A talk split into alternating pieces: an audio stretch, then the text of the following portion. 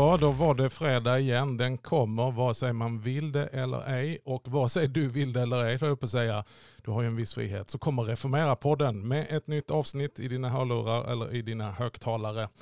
Härligt att ha dig med och eh, den här veckan så ska vi börja tala lite grann om det som stundar, nämligen att kyrkan firar nytt år så här en månad innan alla andra gör det. Vi ska inleda ett nytt kyrkoår och om det ska vi tala i ett antal avsnitt och med mig som första gäst så har jag min gode vän och kollega Johannes Sköldängen. Varmt välkommen Johannes. Tack så mycket. Mycket roligt att vara här. Johannes, det här är din premiär i Reformera-podden. Berätta lite om dig själv. Du är just nu kommunister i Knivsta ja. församling va? Yes, stämmer. Jag, jag har varit i Knivsta församling. Nu de sista två månaderna har jag varit i Alsvik och Östuna församlingar som är grannförsamlingar men i samma pastorat. Eh, men den allra längsta tiden har jag varit i Knivsta. Sen till årsskiftet så började jag jobba i Sankt Matteus församling i Stockholm. Mitt inne i storstan? Yes, Odenplan upp till Vanadisvägen och där är Kul ju! Mm. Men du, eh, din resa fram tills nu, om vi, vi, vi, behöver inte ta hela livet, men, men du har ju också lite, naturligtvis vill jag säga det då, skånska rötter. ja, det är riktigt. Från Östra Göinge? Ja, uppe på bara vindsvöningen. Nej, eh, skämt åsido. Min, min far är från Glimåkra och min mor är från Västerbotten, alltså Flocktjärn utanför Skellefteå. Så att jag är väl en, en härlig mix av båda. Norr och syd förenas i Johannes Sköldängen. Yes. Och vad, hur började din, din resa mot prästkall och prästtjänst? Eh, svårt att eh, kortfattat beskriva, men man kan säga att det har varit en, en tanke och en känsla som har funnits med sedan barnsben. Alltså mina föräldrar är ju präster båda två. Så att eh, det var ju liksom ganska självklart, självklar ingång att man visste vad det innebar att vara präst och vi följde ju med på allt de gjorde. Så att det var ju livet jag kände till. Mm. Och ganska tidigt visste jag nog att det är nog det här som väntar. Mm. Eh, sen ju äldre man blir, desto mer växer liksom tanken på vad man ska göra hädanefter och så kämpar man ju emot den där tanken. Eh, och det var egentligen, eh, ja vad ska man säga, när vet man att man ska bli präst? Ja, på prästvigningsdagen. Det, det var nog då jag landade i det. Efter den har man inte mycket val. Nej, det är ju det. Nej, men alltså det var, eh, jag har haft liksom ett, ett inre motstånd tills jag verkligen landade i och insåg att jo, men det här är faktiskt det som ska vara mitt liv och det har jag ju aldrig ångrat sedan dess. Var din prästvigningsdag, när var den och var den väldigt speciell för dig? Ja, det var 16 juni 2013 i Göteborgs domkyrka. Mm. Och eh, det var ju lite speciella omständigheter. Jag vigdes ju för tjänst inom EFS och påbörjade då två tjänster samtidigt. Mm. Det här känner ju du, det har du också varit med om Magnus. Mm. Mm.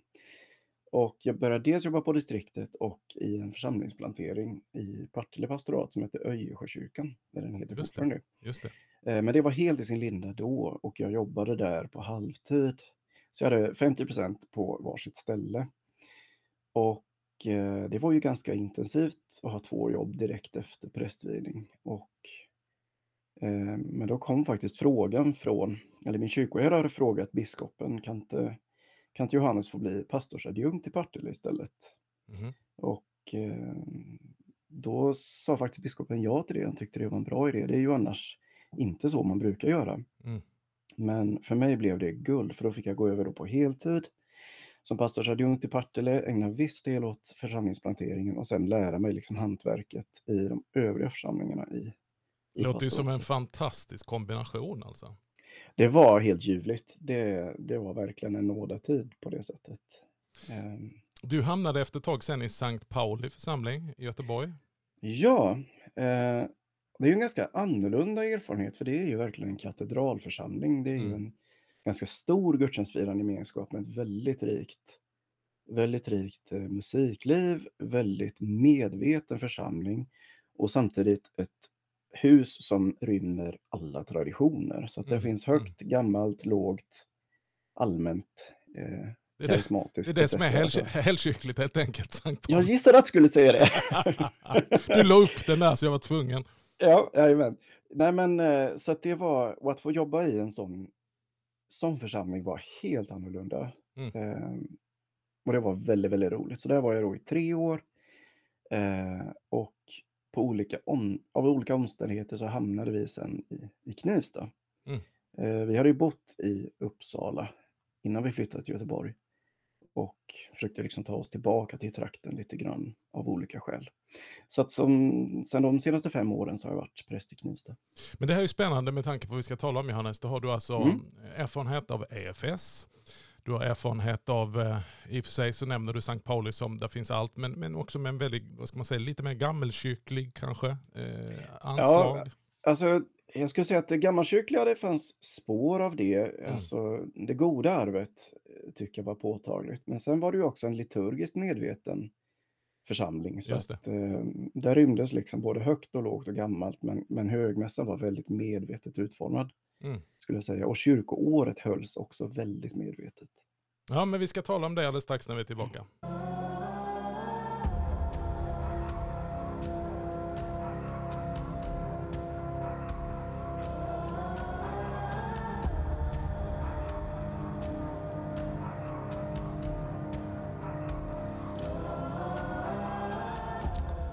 Ja, du lyssnar alltså på Reformera-podden den här fredagen och jag sitter tillsammans med Johannes Sköldängen som eh, jag ska tala lite grann om kyrkoåret inför ett nytt kyrkoår. Vi har precis talat om Johannes bakgrund. Allt ifrån EFS till Sankt Paolo i Göteborg till Knivsta pastorat och nu på väg in till Odenplan och Sankt Matteus. Du Johannes, vad tänker du inför ett nytt kyrkoår så här? Tänker du mycket på det? Ja, det gör jag faktiskt. Ehm, och framförallt är jag väldigt glad för att vi nu går från tredje årgången till första i evangelieboken och jag älskar första årgången. Ehm, den är ju också den äldsta så att säga. Den, den har liksom väldigt, väldigt djupa rötter i sin utformning. Den är ekumeniskt gångbar. Den är liksom mest hemma skulle jag säga. Det är intressant att du tar upp precis just det och att vi börjar där. För att eh, som sagt, vi har tre årgångar så att eh, vi kör liksom eh, varv efter varv, eller tre varv Mm. på, på samma teman. Och då kan man ju tänka ibland när man kommer på tredje varvet att det här är ett uppsamlingshit. Här har man tryckt in, tryckt in texter.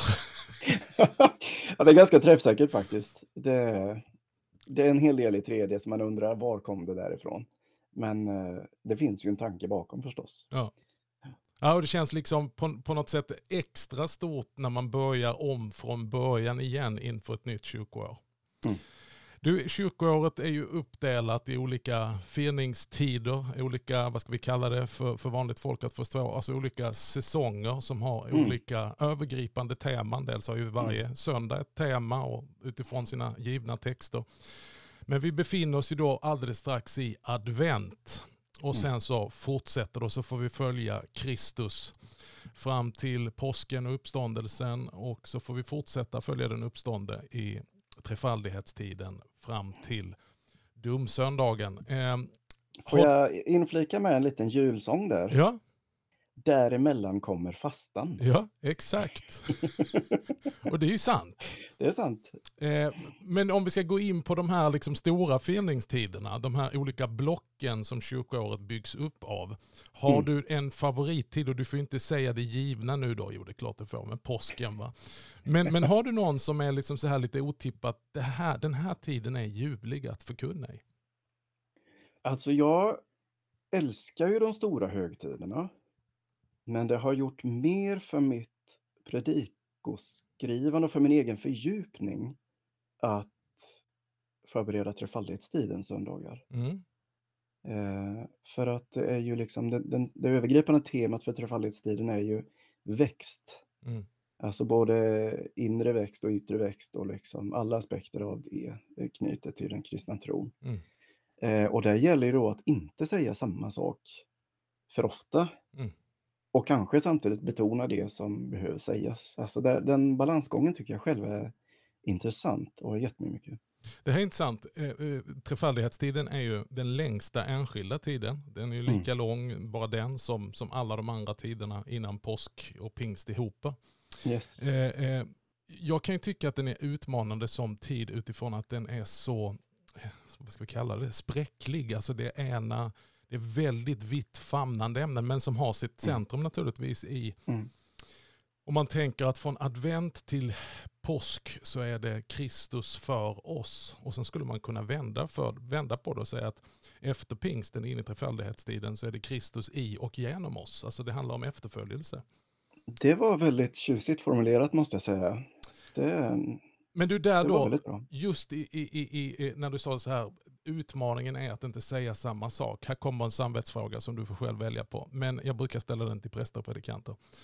Hur ofta är det vanligt att du mikrar en gammal predikan? Det vill säga, du tittar och säger, vad sa jag, vad, vad har jag sagt bakåt i tiden den här Ja, 23 söndagen i trefaldighet?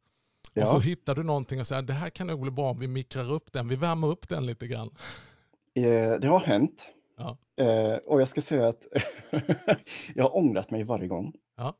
Eh, det har ju varit sådär att alltså man, det kan vara fruktansvärt intensivt i kyrkans värld och det är överraskningar varje vecka. Mm. Och då blir det ofta det att den här sammanhängande förberedelsetiden är ju det som stryker på foten. För det kom någon som behövde hjälp eller det var något som strulade eller liksom allt sånt där. Och då kan man känna ibland fredag kväll att ja, men det vore skönt med en jobbfri lördag tillsammans med mina barn. Vad har jag i skattkammaren så att säga? Och så tar man och tittar på det där man hade, skummar lite grann och säger ja men det här, det här är bra. Mm. Det står sig. Och det var inte i samma församling jag predikade, så det, det kan jag ta. Och jag har gjort det två gånger särskilt som jag har ångrat. Mm. Därför att varje gång jag har gjort det så sitter min största förebild i bänken som av en händelse bestämde sig för att åka dit en söndag. Och som jag kände att dig hade jag velat imponera på, men det gjorde jag inte. Och alltså, det där är ju bara köttet i en på ett sätt. Församlingen har i regel varit glad, men men man har känt för sig själv liksom att ah, alltså jag, hade, ah, jag, vill ju, jag vill ju göra det bättre än så här. Ja. Jag, jag vill liksom att det ska bottna i min egen bibelläsning, min egen bön, min egen, liksom min, andlig, min egen andliga vandring. Inte det som hände tre år tidigare, utan där jag är nu. Mm. Eh, och när man känner just det här, alltså mikrad mat är inte lika god. Så är det ju, det är den färska maten som är god. Ja, ja. Eh, Men, men, men om jag ska bara konstatera det då, alltså ge en kontrast till det, så finns det ju Mm. viss mat. Vi, jag och min hustru, vi är ju uppväxta, eller uppväxta, det ska jag inte säga, men, men högtidsdagar firas med smörgåstårta.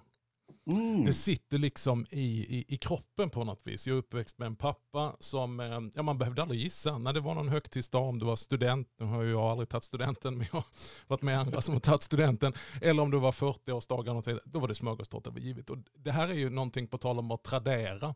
Så Mm. har det ju verkligen satt sig i oss, så att vi kan inte tänka oss någonting mysigare. Det här låter ju så okult det bara kan i dagens samtid. Men jag bär det med stolthet. Men då brukar vi säga att smörgåstårtan är aldrig så god som när den har stått minst ett dygn i kylen. mm, Så man Mhm. gör den och så, och så serverar man den, men, men, men hela liksom the price av att äta smörgåstårta, det är att när gästen har gått hem så vet man det fanns några bitar kvar och de kan vi äta imorgon och då smakar Yes. de ännu bättre. Och det, det skriver jag under på till 100 procent. Men smörgåstårtan är inte lika god tre år senare. Nej, det är sant. Och det är väl det som är problemet. Nej, men jag måste erkänna då, som har, som har en annan typ av tjänst, jag förstår att det är en mycket större utmaning för alla er som står i samma församling.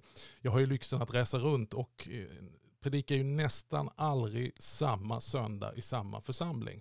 Mm. Eh, så jag, jag, jag har ju gjort mig skyldig till att många gånger så har jag ju, eh, pinsamt att säga, men när jag har suttit och haft kämpat med söndagens text och det är kanske fredag kväll och jag är på resande fot så går jag tillbaka och tittar, vad har jag predikat om den Mm. här söndagen, den här Mm. årgången tidigare? Och suttit och blivit lite gripen av mina egna gamla predikningar. Ja, men det, det är något annat. Det händer mig också. Ja, Ja, men man inspireras av sig själv. ja. Det, och jag menar det, du har ju också skrivit böcker. Narcissi- narcissisterna har samlat. Nej men alltså, någonstans får man ju ändå hoppas att det är den helige ande som har ver- verkat Ja, i ja. detta. Och så plötsligt, så den här texten som jag skrev för länge sedan hoppar plötsligt upp och berör en. Och blir man berörd, då är det ett tecken på att det är från Gud. Alltså Ja. då har någon annan också glädje av det. Och där är ju liksom det skillnaden då, att bara ta något för tre år sedan Mm. och att faktiskt sätta sig ner och läsa. Måste jag uppfinna hjulet på nytt? Nej, det måste jag inte. För här finns någonting som faktiskt är riktigt dyrbart Mm. och som nog kommer komma min församling till del. Mm. För det är ju också så att det finns en hel del som man väljer att inte ta. Mm. Men det kan mycket väl komma upp en annan gång. Mm. Så där tänker jag är den urskiljningen, liksom, att ja, men sätter man sig ändå ner, läser och känner att det här är riktigt bra, då, då är det lugnt. Då lever det helt enkelt. Exakt, då, då, för att jag menar, vi, vi söker ju någonstans ändå efter tilltalet. Mm. Det är ju liksom, man vill ju inte bara vara en gubbe som står och pratar, utan man vill förmedla någonting utifrån att man är det gudomliga ordets tjänare. Mm. Att Guds ord ska förkunnas rent och klart. Jag klarar inte av det utan den heliga Ande. Och den heliga Ande har mycket märkliga sätt att leda en in i förkunnelsen ibland. Mm. Och, och jag tycker det du beskriver är ett exempel på just det. Mm. Att ja, men, jag hade inte tid och vår Herre vet att jag inte hade tid. Ja, men då plötsligt så kom det här seglande till mig. Ja, men kommer ni ihåg de här orden? De var bra. Mm. Yes. Ja men fint sammanfattat ja. Johannes. Mm. Du, trefaldighetstid, det tycker du är spännande att kunna. Finns det någon tid i kyrkoåret som du känner bara så att det där är, det är lite tung? Man kan ju inte säga att vi tycker det är dåligt för allt hänger ihop. Men, men eh, om du får bjuda på dig själv lite och säga att det där Ja. tillhör inte mina favoriter. ja. Eh, söndagen före domsöndagen. Jaha. Det är nog den... Det är den söndag som jag inte vill ha varje år och som jag får varje år. Mm. Ja men då kan vi bilda klubb Johannes. Är det så? Det är väldigt intressant, det här har vi inte alls förberett. Men, men eh, om jag skulle plocka ut en söndag, jag, jag kanske, jag har tre stycken söndagar, men en söndag så är det ju speciellt en av de tio jungfrurna. ja. Eh, och det slår aldrig fel. Du vet, man kan ju vara lite fåfäng och så här och så helt plötsligt just den söndagen, det verkar också vara en söndag som man gärna tar in en gästande förkunnare. Så det kan ju säga någonting om den söndagen. Och då har det ju hänt att jag har talat i, i, i sammanhang som man, lite som du sa om din stora förebild, att nu vill jag verkligen ge ett gott intryck. Jag vill liksom Mm. leverera my A-game. Mm. Så kötsliga kan vi ju vara. Japp. Eh, och eh, eh, inte minst i New York i en katedral. Och tror du inte att det är den söndagen? Och du vet ångesten och svetten och eh, hur kan jag på något sätt göra det här ordet till någonting som skänker hopp och uppmuntran och ja, nej men det, jag, jag delar den känslan. Alltså, eh, jag kan ju inte låta bli att se vad du har i bakgrunden. Nu ser ju inte lyssnarna det, men Nej. bakom Magnus finns kopiösa mängder böcker. Mm. Och hade jag bara riktat kameran lite åt mitt håll så hade jag också haft kopiösa Ja, jag ser dem lite där. Ja. Och, och där är ju just det här att har man tid på sig med de jobbiga söndagarna så är det väldigt skönt att ha ett bibliotek. Ja. Att det är tämligen ofta som jag känner, men vänta nu, har inte jag en bok om det här? Jo, det har jag, för det köpte jag på mig en gång. Nu kom den till, till användning. och det är också lite det, apropå skattkammare, liksom, att det finns böcker som jag verkligen har behövt och plötsligt inser att jag faktiskt har. Mm. Eh, och det har verkligen hjälpt mig de här krångliga söndagarna. Nej, och, och för att då eh, knyta an till eh, inte minst texten om de tio jungfrurna så sitter jag eh, och tänker då att är det min kyrkliga bakgrund som före detta pingstvän och evangelist som lite grann låter nu i min förberedelse är det Mm. lite för hårt? Mm. Hur blir uppdelningen här mellan lag och evangelium och vilken tröst blir detta till? Och så får jag Mm, precis tag i en bok där man kan titta lite på de som långt före oss, eh, Chrysostomos bland annat. Mm. Mm. Hur har de predikat över den här texten? Och det blev en sån uppmuntran för jag insåg att jag lät ju nästan mjäkig i jämförelse med honom. Det gör alla, ska vi säga, jämfört med Chrysostomos. Ja, sant, sant. Ehm, nej, men alltså, det är en viktig aspekt just. Vad har kyrkan sagt förut? Mm. Det är en väldigt viktig aspekt. Därför att man vill ju inte säga någonting som är utanför Mm. tron, utanför kyrkans historia, kyrkans tradition. Och där gör man gott i att luta sig mot vad andra har sagt förut. Precis. Men sen finns det ju den aspekten också av bibeltexterna att de är ju också kontextuella. Mm. Att de har kommit till i, inte i ett vakuum, utan i en miljö. Mm. Och just apropå den här texten, där läste jag en bok av Kenneth Bailey som hette eh, Jesus in the Middle East eller något sånt där, Middle Eastern Jesus. Och där sa han just det där, men när de här då fåvitska jungfrurna kommer tillbaka, knackar på dörren och inte blir insläppta. Då säger Kenneth Bailey det, och nu får ni rätta mig, ni som lyssnar och har läst det bättre än jag. Men då säger han just det, att ja, men det här var inte ovanligt, att kommer det någon ovärdig gäst så släpps den inte in först. Mm. För sen när de varit ute i kylan, Mm. då blir de insläppta. Mm. Som en effekt av att ja, men, ni var inte värdigt, liksom, eh, ni var inte redo för att komma in än. Ni gjorde inte det ni skulle ha gjort. Mm. Men nu är ni välkomna in. Mm. Och alltså det, det lyfter då Kenneth Bailey fram som att ja, men det finns ingen bröllopsmåltid på den tiden i Mellanöstern där man inte till slut hade blivit inbjuden. Mm. För det var ju för alla, det märker man ju också av alltså, bröllopet i Kana, där de plötsligt behöver 600 liter vin. Varför då? För alla är bjudna. Varför tar det slut? Jo, för alla är bjudna.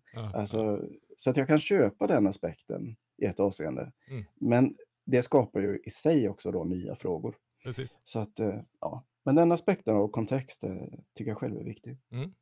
Och på tal om kontext då, så tänker jag tillbaka till kyrkoåret då. Eh, hur mycket tänker vi på, hur mycket bör vi tänka på att också, alltså vi är exegeter allihopa, det är det vi primärt sysslar med. Vi, vi vänder och vrider på texten, försöker Mm. att se texten i sitt sammanhang. Mm. Grammatiskt, kulturellt, eh, eh, vad är det här för te- texttyp? Eh, och, och vi håller på att jobba med texterna. Men, men sen har vi också, det är ju texter då som är tilldelade en speciell tid i kyrkoåret. Hur mycket låter vi det prägla? Till exempel Epifania. Mm. Jo, men personligen tycker jag att det där är väldigt viktigt. Och jag tror också att det var en sån sak som blev viktigare för mig i Sankt Pauli. När jag kom liksom ur eh, Partille som hade en väldigt bredd i de olika gudstjänsterna där man betonar ganska olika. Till Sankt Pauli som är ganska uppstyrt, liksom liturgiskt medvetet uppstyrt kring kyrkoåret. Och där det var så påtagligt att församlingen lever i kyrkoåret. Det var nog då jag själv upptäckte vikten av att faktiskt hålla sig till detta och inte glida iväg åt ett annat håll. Mm. Ehm, sen är det ju som du säger, alltså vi är ju exegeter, men inte bara. Mm. Och det tänker jag också är viktigt därför att ibland blir det frestande att det blir liksom interpretationer av Precis. Av förkunnelsen. Det finns en ganska härlig historia som, som Hans Lindholm eh, har- berättat för mig. Han berättade det, det är fader Sune, Sune Wiman, som har berättat detta från början. Då står det så här. att, ehm, en yngre kollega gjorde sina predikningar till små exegetiska föreläsningar. En dag hittade han en lapp på predikstolen, Johannes 12, 21. Han gick hem, slog upp sin bibel och läste Herre, vi vill gärna se Jesus. Detta ledde till en personlig kris och en ny ton i hans förkunnelse. Senare fann han en ny lapp på predikstolen, Johannes 20, vers 20. Han gick hem och läste Lärjungarna blev glada när de såg Herren. Underbart. Alltså den är väldigt talande. Eh, för att, Sådana anekdoter är guld värda. Jajamän. Och alltså den här är ju så sedelärande. Därför att ibland också när man sysslar med exegetik så kan man bli så uppslukad av det så att man liksom hamnar i periferin när uppgiften är att förkunna Kristus. Mm. Eh, och det, det har vi lutat oss lite mot eh, när vi har mött pastorsadjunkter som har kommit till oss eller praktikanter som har kommit till oss. Där har ju våran biskop Karin Johannesson har ju det som valspråk. Kristus förkunnar vi. Mm. Och det har varit väldigt bra, för då kan man använda det med prästkandidater och nyvigda präster. Att, ja, men vad innebär detta i förkunnelsen, i högmässan, i doptal, vid begravning, vid vigsel, på ålderdomshemmet etc. Uppgiften är Kristus förkunnar vi. Vad innebär det? Amen. Och det, det är ganska bra därför att då får man liksom ett fokus på en gång. Att det här, gör det inte krångligt nu. Alltså fördjupa, men håll det till centrum. Och det är ju faktiskt det ursprungliga namnet på kyrkoåret. Det är ju året med Kristus. Mm. Eh, att det är, det, är, det är Kristus som ska framhållas eh, från olika perspektiv. Jag tänker på om vi skulle använda en modern bild när man gör en filminspelning och det kanske är fem, sex olika kameror och olika kameravinklar som är Mm. riktade mot huvudpersonen. Det är samma person i bild fast från olika vinklar. Mm. Och, och, och det, är väl, det är väl så att nu när vi går in i advent så är det hans ankomst. Mm. Och, och sen är det uppenbarelsens ljus som, som skänker ljus på att den Gud som blev människa, den människan är Gud, Guds son. Mm. Och sen får vi följa honom genom fastan och så, och så vidare. och så vidare. Men att det är hela tiden Kristus som är huvudrollen. Och jag tänker att vi, Mm.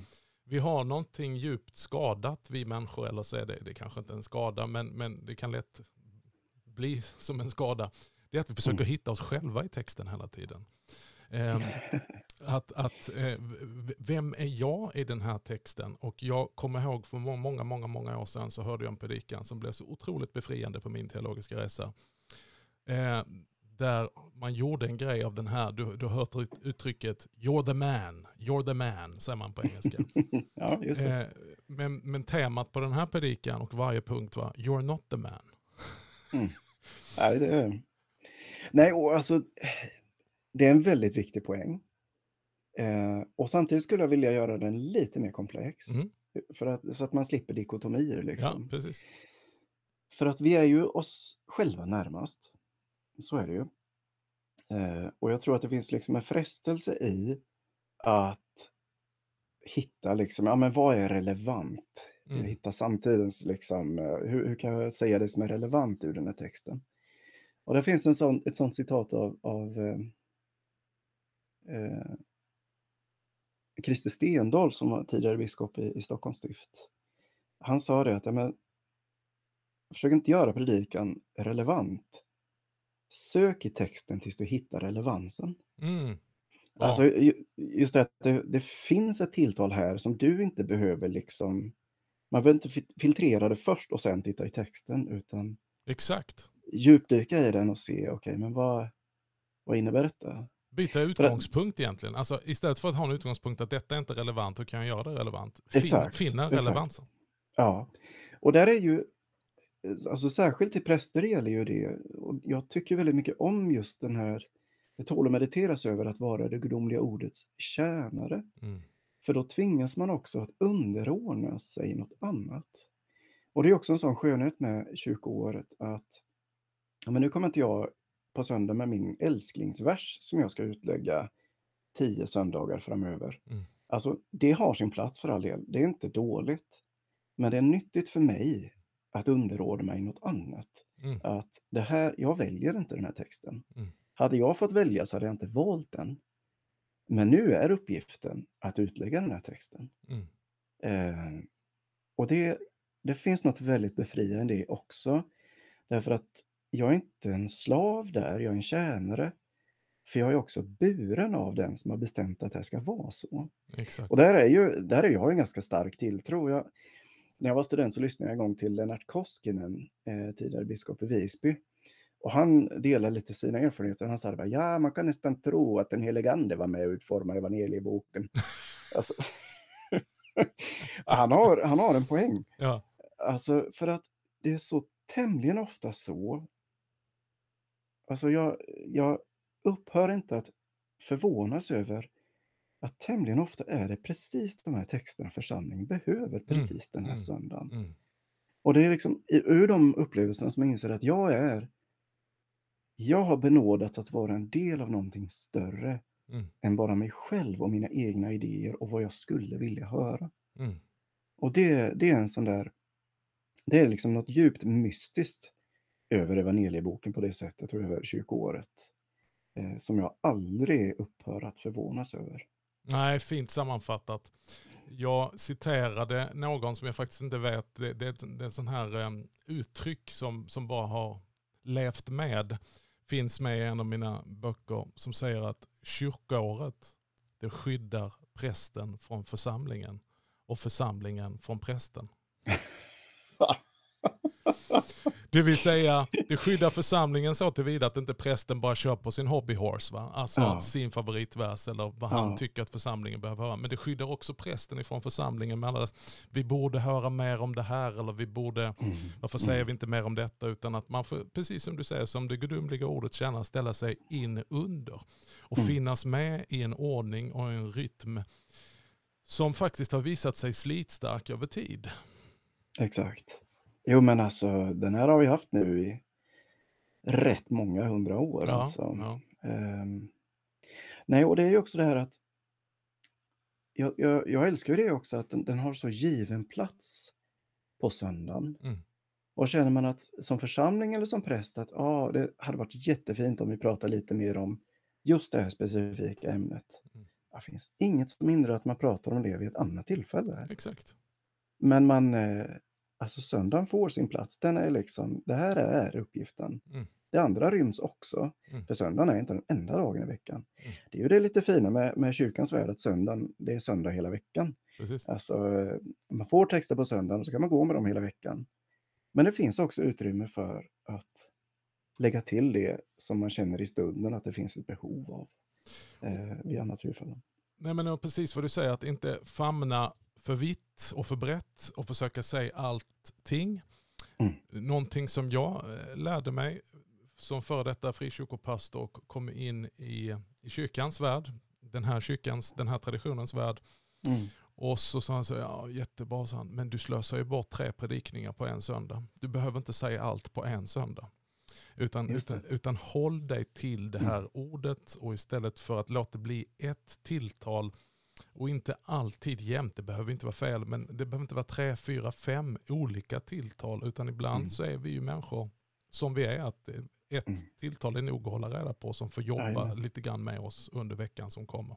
Mm. Och vi har ju då 52 söndagar på oss och utöver det så finns det veckomässor och det finns bibelstudier och annat. Så att en, en uppmuntran till alla er präster som, som lyssnar och andra som predikar Guds ord att, att våga stanna i texten och den söndagens ärende till Guds folk och församlingen. Mm. Jo, men och där är ju tryggheten när man har levt i kyrkoåret några år. Jag har varit präst i, i tio år nu och passerat tre gånger, liksom tre gånger tre så att säga. Det är just det här att ibland kan man få feeling och känna, eller man kan läsa en bok och känna, åh, det här var riktigt bra, det borde jag säga på söndag. Eller så säger nu om fem söndagar när den söndagen kommer, för där Mm. passar det bättre. Exakt. Att man kan liksom börja leva både i, i framtiden och nuet på det sättet att jag kan spara den här godbiten till askonsdagen eller liksom när det verkligen har sin givna plats. Och det är också det fina när man sitter med musiker och förbereder vilka psalmer som ska sjungas. Det, det är ju min vardag liksom i Mm, vår församling. mm. Så är det ju fyra eller fem psalmer eh, per söndag. Och just det där veta att ja, den här psalmen är bra, men inte till den här söndagen. Nej. Alltså att de får sina givna platser också över året. Och det är Eh. det som är det vackra och det pedagogiska resursen med kyrkoåret. Att varje söndag får sin genuina prägel i vi står ju inte i ett vakuum och förkunnar utan allt förkunnar. Färgerna, Mm. utformningen, bönerna, nattvardsbönerna och psalmerna. Mm. Och att det tillsammans får bli en symfoni som eh, Mm. Förmedlar budskapet. Jajamän. Jo, det, alltså, det finns en oerhörd rikedom i just det där. Alltså, fastan, jag är ju förtjust i fastan, men det är ju för att jag upptäckt den lite för sent i livet. Mm. Men just det där att gloriat utgår, Mm. hallelujat utgår, Mm. benedicamus utgår. Alltså, Vi håller oss vid Kyriet i ganska, ganska stor utsträckning. Att under de här 40 dagarna så ropar vi verkligen Herre förbarma dig. Exakt. Och det gör någonting med mig. Eh, när det märks att någonting fattas så blir det första mer påtagligt. Mhm. Eh, det är en sån aspekt av fasten som, som är skön att uppleva. Alltså man, liksom, man kan inte, alltså fastan kan man egentligen inte promota och säga ah, kom igen vi börjar fasta, utan man måste liksom leva i det, man måste erfara det för att upptäcka värdet i det. Eller ja, det kan egentligen sägas som hela kyrkoåret, att det är när man har Mm, mm. levt i det som man inser varför det är bra. Nej, men och fastan är, den tillhör ju en av mina absoluta favoriter. Eh, och också pedagogiken, om man får använda ett slarvigt uttryck, att mitt i fastan så kommer det midfastosöndagen. Yes. som ger lite, vad ska vi kalla det för, friskt vatten i öknen. Mm. Eh, och då har man liksom på något sätt kommit in i det.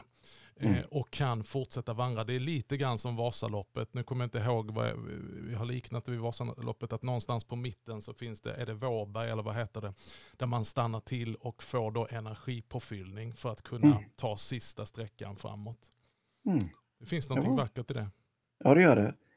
Jo, och alltså